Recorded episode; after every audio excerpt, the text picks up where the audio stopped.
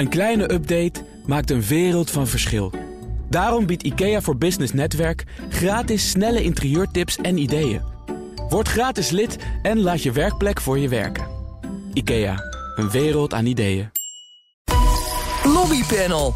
Nederland is tegen het plan van de Europese Commissie om investeringen in gas en kernenergie een groen label mee te geven. En er komt voorlopig geen 2G in Nederland. Dat en meer bespreek ik in het lobbypanel. En daarin zitten Mark van der Anker, mede-eigenaar van WePublic... en Roos Wouters van de Werkvereniging voor Modern Werkenden. Goedemiddag. Goedemiddag. Allereerst natuurlijk jullie eigen lobbyagenda. Mark, wat staat daar prominent op? Nou, wat, wat, de spaarderstaks eigenlijk. Want uh, de spaarderstaks is toch wel een, uh, ja, een succesvol, lang, langdurige, maar succesvolle lobby gebleken. Wordt over, in Den Haag nu over gesproken. Uh, ja, dat gaat geld kosten. Heel maar veel geld kosten? Heel veel geld kosten. Dus dan, ja, vanuit lobbyperspectief, kijk, de, de succesvolle lobby van de spaarderstaks is één. Maar nu moeten andere lobbypartijen op gaan letten. Want waar gaat dat geld dan vandaan komen? En het zal maar net jouw bereikte lobby, behaalde lobby-succes zijn waar dat van betaald gaat ja, worden. Het gaat om, als het echt even tegen zit voor het kabinet om tientallen miljarden euro's, wordt al uh, geschat. Ja. En uh, ook al lijkt geld geen enkel probleem, ergens gaat het toch pijn doen. Ja, in dit geval lijkt geld dan toch wel een probleem. En uh, ja, dat kan dan weer niet geleend worden. En, uh, ja, en het is ook structureel geld. Dus uh, ja, dat heeft consequenties. En ja, als lobbyclub... Nou ja, jij zegt nu dat het structureel geld is. Er zullen ook mensen zijn die dat betwisten... en die dit een incident noemen. Ik geloof dat de staatssecretaris alvast een voorschot erop nam. Hè. Het, is, het is het repareren van iets dat verkeerd gegaan is. Maar jij zegt ja. het is structureel geld. Ja, nou, in ieder geval een gat dat je structureel moet gaan dichten. Dus dat betekent dat je ergens anders minder kan uitgeven... dan wel dat andere mensen daar de lasten voor gaan betalen. Dus dat komt bij het bedrijfsleven of bij ja, de gewone burger. En, en andere lobbyorganisaties uh, roep jij nu op, let op uw zaken. Want voor uh, ja, je het weet denk je dat je ja, resultaten ja, zeker. verdwijnt. Even goed, even goed op de portefeuille letten. Ja.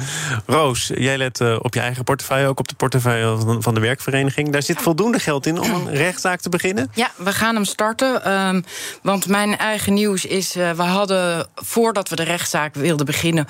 om de oneerlijke verdeling van de noodsteun aan te klagen. namelijk werknemers Um, krijgen van hun werkgever. Um, nou ja, de, de, werkgever krijgt noodsteun om de werknemers tot drie keer modaal uit te betalen zonder dat ze er iets van merken. Um, die is bij de laatste steunmaatregelen opnieuw ingevoerd. En daarbij is de drempel, de omzetdaling, nog verlaagd. En toen hebben ze besloten: weet je wat, we doen de ZZP'ers, die hoeven gewoon geen TOZO meer. Uh, maar omdat het uitvoertechnisch onhandig is om ze meteen naar de bijstand te sturen, versoepelen we de bijstand iets.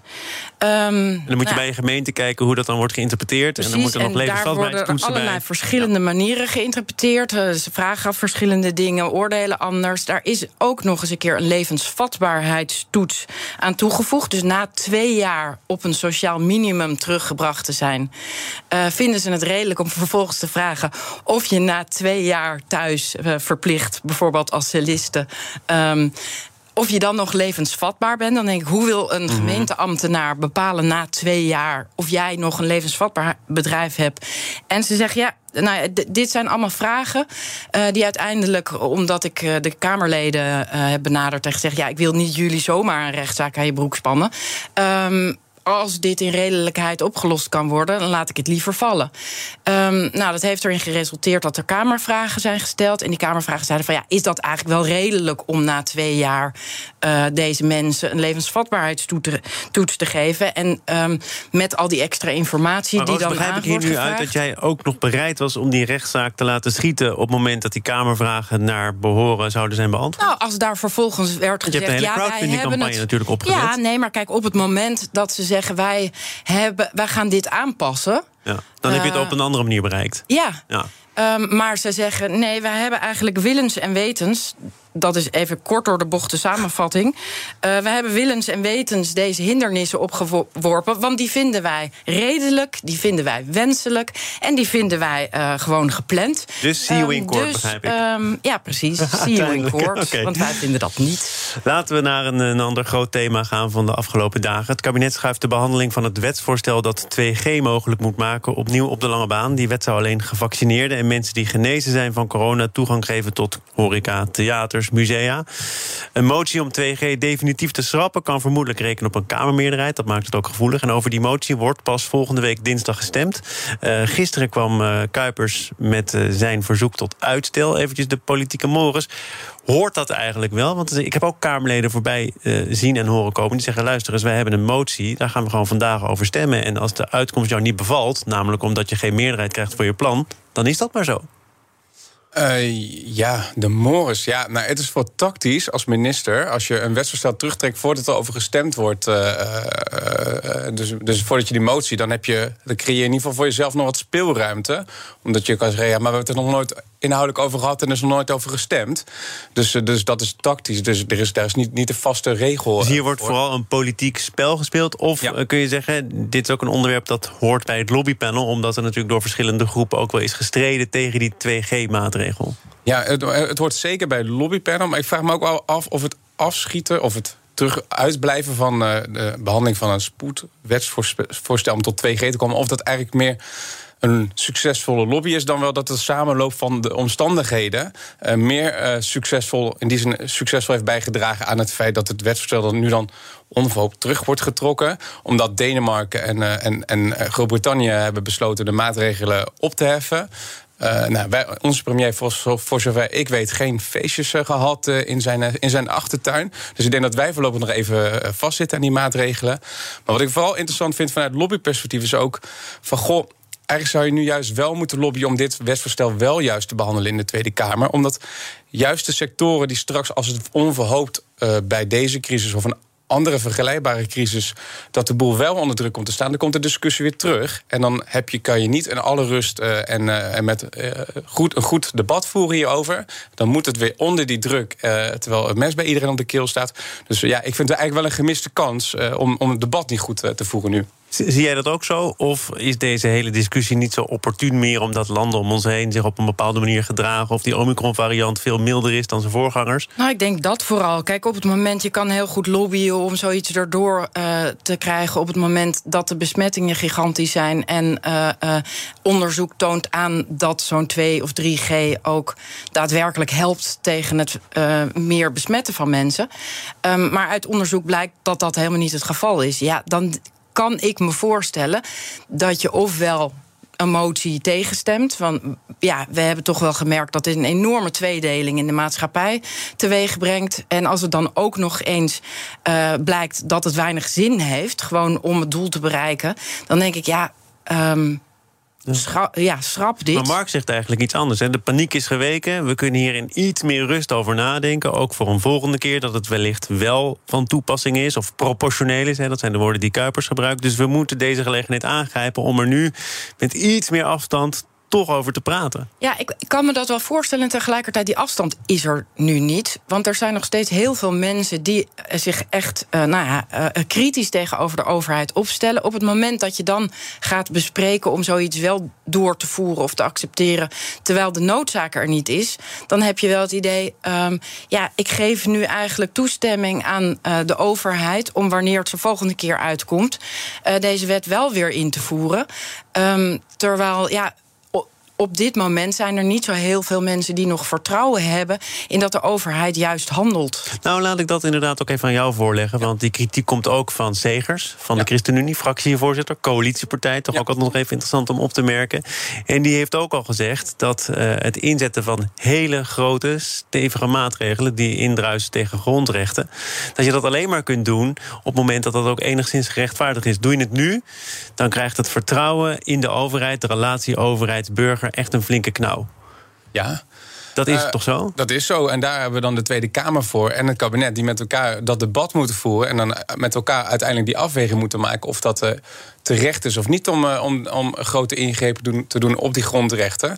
en dat, dat zegt daar is meer onderzoek voor nodig. En op zich is dat ook al opmerkelijk. Omdat hij in eerdere instantie heeft verwezen naar dat rapport van de TU Delft. Ja. Daarop baseer ik wat ik ga doen. Ja. kennelijk, zo leg ik het even uit, bevallen hem de uitkomsten niet. Ja. Er is ook wel gezegd dat hij wat heeft gesjoemeld en gemarchandeerd met de feiten, met de cijfers. Dat het helemaal niet zo heel veel uitmaakt, 2G, 3G. Ja. En nu heeft blijkbaar dat rapport ook aan waarde verloren. Want zegt hij, we moeten nog verder onderzoek gaan doen. Zeker. Ja, kijk, in een lobby is een rapport altijd een uh, succesvol instrument om te gebruiken. Want er zijn altijd rapporten die je uitkomen en er zijn rapporten die je minder goed uitkomen. Dus als het niet zo goed uitkomt of het wordt verkeerd uitgelegd, dan ga je nog een onderzoek doen om te zorgen dat de argumenten wel. Maar wat is, wat is hier wat jou betreft gebeurd? Kwam het rapport niet zo goed uit omdat de conclusie niet in het straatje van Kuipers past? Of heeft hij zelf ook verzaakt door het niet goed uit te leggen? Allebei. Dus uh, één, het rapport... Een goede start als minister. Ja, is, nou, nou, ja, daar ga je dan niet over. Maar uh, ik denk dat zo... Nou, dan mag je in dit het rapport, het rapport is misschien niet goed helder genoeg geweest. Uh, of in de, en de uitkomsten zijn misschien inderdaad anders uitgelegd dan dat ze zijn. En de minister had daar wellicht ook wel handiger op kunnen opereren. En de tijdframe is nu ook zo dat de druk aan het afnemen is op dit onderwerp. Dus, dus iedereen denkt, ja. als er vragen zijn bij dit onderzoek, dan moeten we dat nog maar eens goed bekijken. En waarom zou je dan nu iets inderdaad doorvoeren? Ja, en ik weet niet hoe, uh, of je geregeld naar die uh, debatten in de Kamer kijkt. Maar ik, moet nou, kan nou niet echt zeggen dat ik daarvan onder de indruk ben. Want ze stellen voortdurend dezelfde vragen. Omdat de minister feitelijk nooit het juiste antwoord geeft. Net zoals uh, op de vragen uh, van de Kamerleden. Uh, ja, je krijgt wel een antwoord. Maar ik bedoel, als je vraagt hoe warm ja. of koud is het buiten, dan krijg je groen te horen. Ja. En dan zeggen ze, ja, ik blijf weer groen herhalen. Ik, ik word daar echt heel verdrietig van. Kijken, als ik blijkbaar. debatten. Ja, ja, omdat ik denk, gaat er iets spannends gezegd worden? Ja. Dan denk ik, ze praten volkomen langs elkaar heen. Ze zijn niet bereid om naar elkaar te luisteren. Want ze hebben een besluit genomen. En dat besluit willen ze verdedigen. Of het nou. Uh, of ze nou is, het lijkt niet alsof er iemand in die discussies bereid is om uh, uh, naar zichzelf kritisch te vragen: van hebben we wel de juiste keuzes gemaakt? Is dit wel het geschikte moment om het hierover te hebben? Het is een soort van kat-en-muisspel waar wij vonden dit en wij hebben gelijk. Nee, wij hebben gelijk. Zeker, maar daar zit ook echt wel een zorg. Want uh, Roos heeft eerder in de uitzending aangegeven dat zij uh, ja, het ultieme middel de rechtszaak uh, gaat inzetten. Dus in, normaal gesproken zou je dat vanuit de lobby niet per se adviseren. Nee. Maar de nood is ondertussen zo hoog dat ja, het middel, de rechtszaak, steeds vaker wordt gebruikt als, als lobbymiddel. En het gaat er wel om dat we met elkaar het echte gesprek uh, voeren en luisteren naar elkaar. En ook bereid zijn om te kijken: goh, kunnen we iets verbeteren in het beleid of toch nog iets anders doen om het met elkaar beter te doen? En op dit moment is het inderdaad, dat deel ik, een uitwisseling van standpunten zonder enig bereidheid om uit het schuttersputje te komen. We gaan uh, naar de volgende rechtszaak. Ja. BNR Nieuwsradio. Zaken doen. Thomas van Zeil. Het lobbypanel is te gast, Mark van der Anker en Roos Wouters. Er zijn milieuactivisten en die hangen in bomen in Limburg... om uitbreiding van een VDL-netcarfabriek tegen te gaan. Die uitbreiding gaat namelijk ten koste van het Sterrenbos... en daar staan bomen van 200 jaar oud... en het is ook nog het onderkomen van onder andere dassen, reeën en broedvogels. Hoe zinvol is zo'n manier van lobbyen? Het is zeker mediageniek te noemen, Mark. Nou ja, uh, Thomas, we hebben het er nu over. Dus uh, nou ja, dat laat al zien dat het succesvol is. Ik wist niet waar het Sterrenbos lag. lag. Ik nu wil je er toch gaan kijken, begrijp nou, ik. Nee, ik ben er nog niet gaan kijken, maar dat, uh, dat, ja, dat ga ik zeker, zeker doen. Maar nee, het is een succesvolle lobby, lobby lobbyactiviteit in ieder geval, door in het bos te hangen. Het is niet mijn way of working. Het is met een hangmat, hè, Mark? Ja, maar ik heb opengegeven dat als je je slaapzak laat vallen, dat beveiligers hem dan weghalen. En dan, ja, dan is het wachten totdat het echt te koud wordt en je vanzelf uh, uit die boom naar beneden klautert. Uh, dus, maar het is zeker een succesvol lobbyinstrument gebleken, want ze hebben de nationale media-aandacht en iedereen weet nu wat daar uh, speelt. En de timing is ook heel goed, want ja, men kan ook in de krant lezen dat VDL onder druk staat met Netcar dat de deal er nog niet is met een nieuwe autofabrikant. Dus ja, dat is wel slim. Omdat waarom zou je nu uh, uh, de autofabrieken uitbreiden terwijl je nog geen deal hebt? VDL is in gesprek met verschillende, verschillende gegadigden. Ja. En die zeggen dan blijkbaar, als ik VDL moet geloven, als eerste: oké, okay, en hoe en waar ga je het dan doen? Die fabriek ja. is gespreksonderwerp nummer één. En die fabriek die komt er misschien wel helemaal niet, omdat er mensen in een hangmat in een boom zijn geklauterd die dat tegenhouden, Roos. Effectief? Um, nou, sowieso het op de kaart krijgen van dit onderwerp is zeer effectief. Uh, uh, en tegelijkertijd denk ik dat deze boomhangers ook weer de, terugactie van de werknemers ehm, ook weer podium geven. Want uh, uh, ja, doordat zij in de boom gaan hangen, uh, hebben zij, kunnen de, de tegenpartij, de medewerkers zeggen: ja, jongens, als we die uitbreiding niet gaan doen, dan gaat dat banen kosten. En 4200 gaat, banen staan er op het spel. en dan ook nog in, indirecte banen van de, de toeleveranciers. dus dit is een groot belang. Ja, daar had de krant of de televisie natuurlijk nooit aandacht aan besteed. Waren het niet dat ze nu in dat onderwerp zijn gekomen, omdat er een aantal mensen in bomen hangen. Maar die, werknemers, ja, die werknemers en, en Netcar staan nu wel op 1-0 achterstand. Want uh, het onderwerp is geagendeerd door de, de bomenhangers. Laten we zo maar even, even noemen. En ja, zij moeten nu reageren. En ja, als niet zo, iets, iets niet zo fijn is als bedrijven en als organisaties uh, om te onderhandelen met een nieuwe deal. En dat je allemaal onrust uh, om je heen hebt. Dus uh, ja, die nieuwe deal, die, die, die, ja, dat, is, dat, is niet, dat is niet fijn om, het, om uit te moeten leggen van dat er allemaal mensen bij je fabriek omheen in de boom hangen. Terwijl je daar inderdaad die fabriek wil uitbreiden. Dus dit, is, ja, dit schaadt de reputatie. Maar laat, ik, laat ik even zeggen wat de FNV daarover heeft vermeld richting de NOS. dit zijn mensen die al zo vaak hebben moeten vechten voor lijfsbehoud. En nu ja. is er een kans en die wordt ze ontnomen door een aantal mensen in een hangmat. Als je het zo schetst, dan ja. krijg je ook wel weer min of meer vanzelf sympathie voor het werknemersstandpunt. Ja, ik kan niet anders zeggen dan ja. Zelfs bij mij, dat ik denk, ja, in Limburg... ze hebben al zoveel ervaring met vertrekkende bedrijfstakken... Uh, met uh, ja, een krimpende arbeidsmarkt daar. Ik kan me wel voorstellen dat als je hele gezin... want vaak is dat toch ja. zo daar... daarvan afhankelijk is, dat het een enorm impact heeft. Dus als ik FNV was, zou ik zeker hier ook voor pleiten. Mark, is dit de manier waarop je ook al moet je in het defensief zou moeten reageren?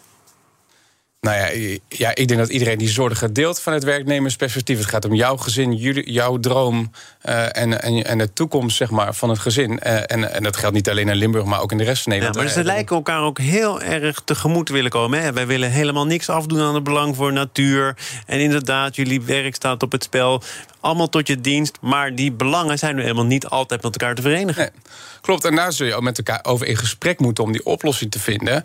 En nu staan ze tegenover elkaar. Dus, uh, maar laten we kijken waar die oplossing vinden. Dus misschien, uh, uh, ja. Kunnen er ergens andere, anders weer natuur worden hersteld en niet alleen maar hier? En uh, misschien kan een deel van die fabriek omhoog. Ik heb wanneer, wordt een, wanneer wordt een actie ook een, een lolletje? Dat is natuurlijk een misschien serieus gevaar dat dreigt. Ik kwam ook uh, reacties tegen van uh, Limburgse werknemers van Netcar. Die zeiden, joh, dit zijn allemaal mensen uit de Randstad. En die komen hier een beetje bepalen wat Limburgse natuur is. Als je dat zo belangrijk vindt, zoek lekker op de, in de Amazone een boom en ga daar hangen. En, ja, ik, ik, het deed mij een beetje denken aan, aan Occupy. Hè? Kennen we die nog? Ja, ja. Toen er ook heel veel tentjes her en der werden opgezet. En uiteindelijk dacht iedereen, nou, moet toch eens komen kijken. Zo interessant wat daar maatschappelijk gezien gebeurt. Ja. Zonder dat dat nou de harde kern van de actievoerder is. Kijk jou even aan aan? Ja, ik, ik had wel sympathie voor Occupy. Maar um, vooral omdat het niet georganiseerd is, maar gewoon in het algemeen belang handelt. Uh, nou kan ik me voorstellen dat het algemeen belang hier nou ja, aan de ene kant is het belang van natuur en het behouden van twee jaar oude bomen, want die kan je natuurlijk niet ergens anders terugplaatsen, um, heel belangrijk. Maar ja, ik begrijp ook dat voor zo'n regio, als zo'n bedrijf verdwijnt of niet kan groeien, uh, en daarmee dus niet interessant om over te nemen is, dat dat ook in algemeen belang is. Dus ik, ik ben hier echt uh, uh, ja, een beetje in verwarring. En Mark, het, het, is wat je net al aanhaalde. Dit is ook al een rechtszaak. Hè? Er is een, ja. de Raad van State moet zich hierover gaan uitspreken over de kap van dat sterrenbos. Ja. Er is een actiegroep die daarom heeft gevraagd. Maar die actiegroep die is inmiddels met de VDL in onderhandeling over een schikking. Ja. En dat kan natuurlijk betekenen dat ook de actie van deze hangmat... Misschien kunnen we dan toch naar de Amazone vliegen. Nou ja, ja, dat zou kunnen zijn dat deze actie daar wel een beetje stilvalt dan natuurlijk. Als, uh, ja, als maar als er dan een oplossing is, ja. dan, uh, ja, maar dan zou ik wel zeggen, ruim wel weer netjes je spullen op in het bos. Want dat is wat een beetje het nadeel bij Occupy. Dat het toch een beetje festivalachtig wordt, een beetje rommelig. Wat een nette dus, man bij jou ook, hè? ja, dus, uh, dus in die zin... Dus maar als er een oplossing is, is het dan alleen maar mooi. Maar vanuit lobby was het dus, is het een succesvolle lobby. En ik begrijp het verwijt ook van... ja, dat zijn, heb je weer die randstedelingen die hier dan in de boom komen, komen hangen... terwijl het over om mijn baan gaat en ons gezin gaat. En dat is ook wel een beetje die kloof die er ook is in de samenleving... tussen regio en de Randstad. Uh, en, en, en daar is wel, ja, dan, wij moeten met elkaar in dat gesprek om elkaar te begrijpen. Ja, ik ben vandaag heel verbindend. Ja, je bent heel verbindend. In Europa is de verbinding wat verder te zoeken. Nederland is namelijk tegen een plan van de Europese Commissie om investeringen in gas een groen label mee te geven. Dat laat klimaatminister Rob Jetten weten in een brief aan de Europese Commissie. Het plan, de Europese taxonomie, moet bepalen welke investeringen als duurzaam mogen worden beschouwd en welke niet. En overigens, voor de volledigheid, ook kernenergie krijgt dat groene label. Overigens, ook nog weer tegen de zin in van grote institutionele beleggers, financiers die er ook weinig in zien, die het een heel erg waterig compromis vinden. Maar laten we beginnen bij de brief van Rob Jetten. Die heeft hij niet alleen geschreven. Hij heeft al wat collega's bereid gevonden om daar ook hun handtekening onder te zetten. Uh, ik geloof uit Oostenrijk, Zweden en Denemarken. Maakt dat indruk in Europa? Geen idee eigenlijk. Ik bedoel, ik kan me gewoon voorstellen dat je het probeert, maar ik weet niet hoeveel mensen daarnaar gaan luisteren. Uh, maar ik denk wel dat het heel belangrijk is dat je dat signaal geeft. Als we willen vergroenen, moeten we niet dingen die eigenlijk niet groen zijn, groen gaan labelen. Want dan zijn we weer met greenwashing bezig en dan halen we die klimaatdoelen nooit. En als je de minister van Klimaat bent ja, dan moet je jezelf natuurlijk wel enigszins geloofwaardig. Dus op het moment dat je kernenergie en gas, wat je net probeert zelf de gaskraan dicht te draaien, dan zegt ja, laten we die als groen labelen, kan ik me voorstellen dat je daar, uh, nou ja, geen. Uh, uh, dus het is een statement van Jette en een paar collega's uit uh, ook de wat kleinere landen. Ja. Als je dit voorstel echt zou willen torpederen, heb je een veel grotere hoeveelheid mm. nodig. Twintig landen die zich dan achter jouw standpunt moeten verzamelen. Ook nog goed voor minstens 65% van de Europese bevolking. Ja. Succes daarmee, Rob Jette. Uh, ja, dat is ook niet heel realistisch eigenlijk. Omdat, uh, kijk, het is ook maar net waar, waar, waar, je vandaan komt. Dus wij, wij, zitten al, wij hebben al decennia aardgas en een heel klein beetje kernenergie. En dus voor ons is die volgende stap gauw gemaakt naar zonnepanelen en windparken. Mensen vinden het heel leuk om een windpark achter in hun tuin te, tuin te hebben. Vaak ook niet. heel verbindend, maar ook ja. wel een beetje cynisch. Ja, dat vinden ze dan niet heel leuk. Maar um, andere landen die dus nog aan de kolencentrale zitten, bruinkool... ja, daar is wel die stap naar aardgas... Uh, ja, een stap in de goede richting. Niet heel groen, maar een stap in de goede richting. Het blijft gewoon een fossiele brandstof. Ja, en de discussie over kernenergie, ja, dat gaat helemaal niet over feiten. Dat gaat over emotie. Want ja, als je minder CO2 wil uitstoten en uh, allemaal auto's elektrisch wil opladen, dan heb je dus schone energie nodig. En kernenergie is daarvoor een oplossing. Maar daar wint de emotie het uh, vaak, uh, zeg maar. En de landen, nou, laten we nou net een aantal grote landen, uh, belangrijke landen, kerncentrales hebben. Die zeggen, nou, laat dit nou bijdragen. Dan kunnen we bij u wel één bouwen. en hetzelfde geldt voor aardgas. Er is net een grote pijpleiding aangelegd tussen, tussen Duitsland en, en Rusland. Daar loopt nog, gas loopt daar wel de verkeerde kant op. Maar goed, ja, dat aardgas is ook wel een belangrijk middel in de transitie naar verdere verduurzaming. Maar dan moet je dus nagaan over die taxonomie is jaren vergaderd. Ja. Hij is in 2020 volgens mij ook al vastgesteld. Er moest nog wat worden beslist uiteindelijk over uh, gas en kernenergie. Dat is dan nu zo. En van alle kanten, misschien kun je dat van voorhand al, al aanzien komen... want het blijft Europa, komt er nu kritiek. Van lidstaten, van adviescommissies, van de Europese Commissie zelf... van de financiële sector die hiermee uit de voeten zou moeten kunnen. Hoe kan dat toch? Als je jarenlang bezig bent, wordt er dan toch geprobeerd, te veel geprobeerd om de kolen en de geit te sparen en komt er uiteindelijk helemaal niks? Ja, nou ja, ik, ik, zie dat overal een beetje. Ze, proberen, ze zitten vaak met de verkeerde mensen aan tafel en hebben op een gegeven moment een besluit genomen en gaan dat dan verdedigen. Roos is weer niet uitgenodigd. Nee, nee, maar ik bedoel, heel vaak zie je dat de mensen die gaan klagen zijn de mensen die niet mee aan tafel mochten praten. Ja. Um, want anders heb je meegedaan aan het compromis. Um, dus ja, kijk, ik denk dat het. Hoe meer mensen meepraten, hoe ingewikkelder het wordt om een compromis te sluiten. Dus ik snap ook wel dat je niet met iedereen aan tafel wil. Maar als je heel bewust een bepaalde groep uh, ja, daarbuiten laat. En niet kijkt wat de belangen van nou ja, bepaalde landen zijn. Uh, en hoe je die transitie wil gaan maken. Ja, dan is het nogal wie dus dat, dat de rest daarop gaat schieten.